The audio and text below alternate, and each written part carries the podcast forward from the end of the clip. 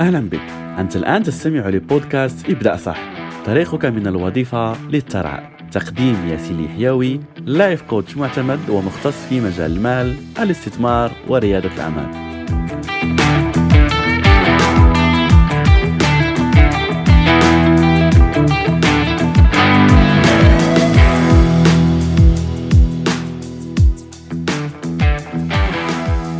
أهلا ومرحبا بك في حلقة جديدة من بودكاست ابدا صح برنامج الوفرة المالية في شهر رمضان المبارك. وصلنا الحمد لله الحلقة الرابعة وجيت سعيد بتعليقاتكم ومشاركاتكم وتحفيزكم والآراء الإيجابية حول هذا البرنامج. فخلينا نكمل اليوم في قاعدة الثراء اللي تكلمنا عنها يوم أمس وهي على أنه يستحيل يستحيل أنك تصبح غني وأنت تصرف أكثر من دخلك. فممكن بعض الأشخاص لما يسمع هذه الفكرة على أنه آه عندي دخل قليل يبغي يعني يستغل ذكاء ويقول لك على أنه آه ممكن أزيد من الدخل هو الحل. لو زدت من دخلي فأكيد سأغطي كل الجوانب. فهذا شوية تريكي يعني هذا الجواب آه شوية مخادع لأنه للأسف هذا ليس الحل.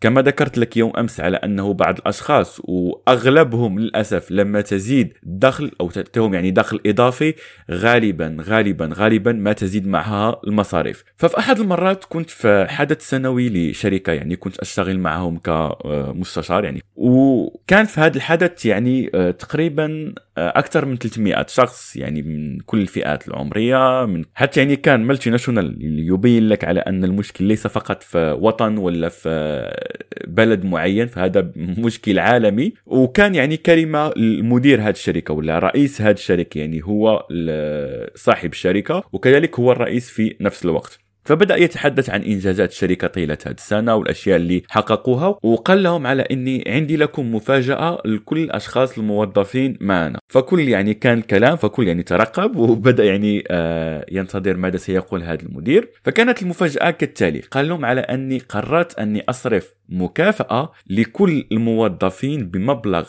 ألف دولار هذا الشهر. فوالله العظيم يعني لك أن تتخيل القاعة كيف أصبحت. كأنك في ملعب كرة قدم من شدة الحماس وفرحة الناس. وهذا يعني عادي يعني طاقة الفرح وأنك تفرح بالأشياء الجيدة وأنك تمتن لله عز وجل على المال الذي يدخلك. هذا جيد جدا. لكن لماذا أحكي لك هذه القصة؟ لأنه بعدها في الاستراحة كنت يعني في الجولة مع الناس وأسمع يعني الأشخاص ماذا يتكلمون. فكل الناس بدأوا يفكرون ماذا سيقومون به بهذا الألف دولار الإضافية اللي دخلت لهم في ذاك اليوم.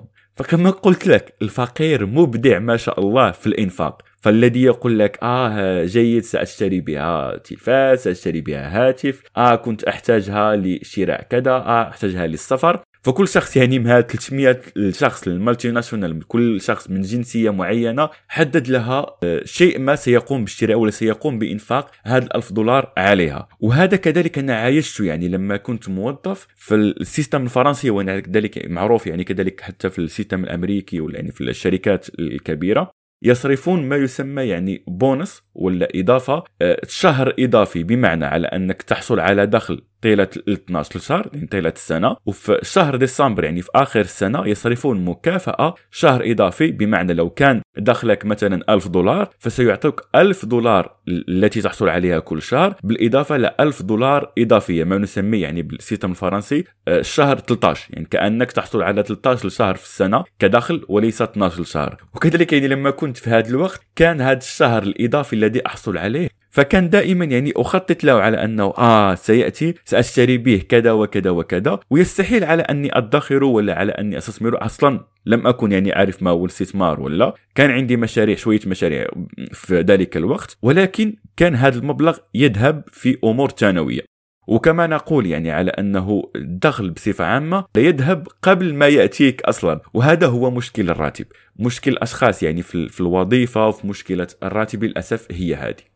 فلذلك يعني نطالب دائما الشخص الموظف على أنه يجب يجب على انك تبدا الادخار. فالأشخاص يعني لما تقول له يجب أن تبدأ الادخار دائما ما يقول لك وأنا أصلا عندي المصاريف تساوي ولا يعني الدخل يكفيني فقط للمصاريف التي عندي. كيف تضحك علي تقول لي ادخر فشوف الادخار هو عادة.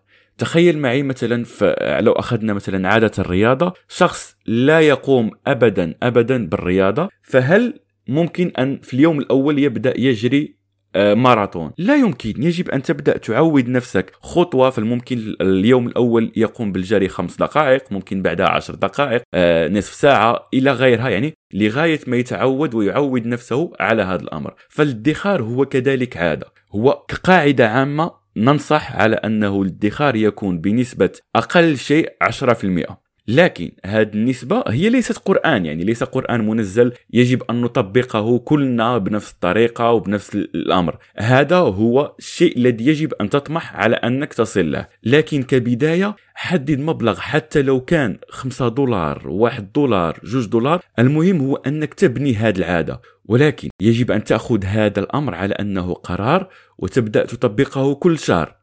فاكر يعني المحصلة اللي تكون يعني عند الأطفال الصغار نقوم بوضع لهم فيها المال؟ اعمل نفس الأمر خذ هذه المحصلة ضعها في المنزل وقم بتخصيص مبلغ معين ضع فيه هذا المبلغ كل شهر وهذا المبلغ حدده بناء على التمرين اللي قمنا به في الحلقة السابقة. لو فكرت يعني في الحلقة السابقة تحددنا على أنك يجب أن تكون حددت مصاريفك كل شهر.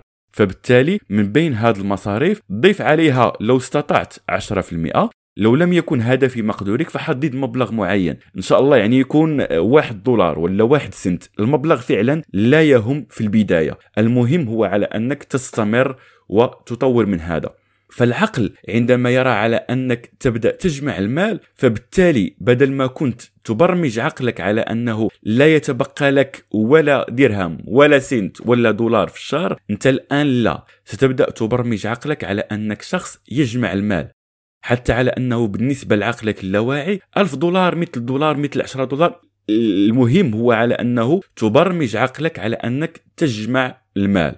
فبليز المطلوب منك في هذه الحلقة هو راجع الأشياء اللي قمت بها في الحلقة السابقة ضف لها خانة خانة الادخار وسنتحدث يعني في الحلقات القادمة إن شاء الله عن ماذا سنقوم بهذا المبلغ الذي سنقوم بجمعه.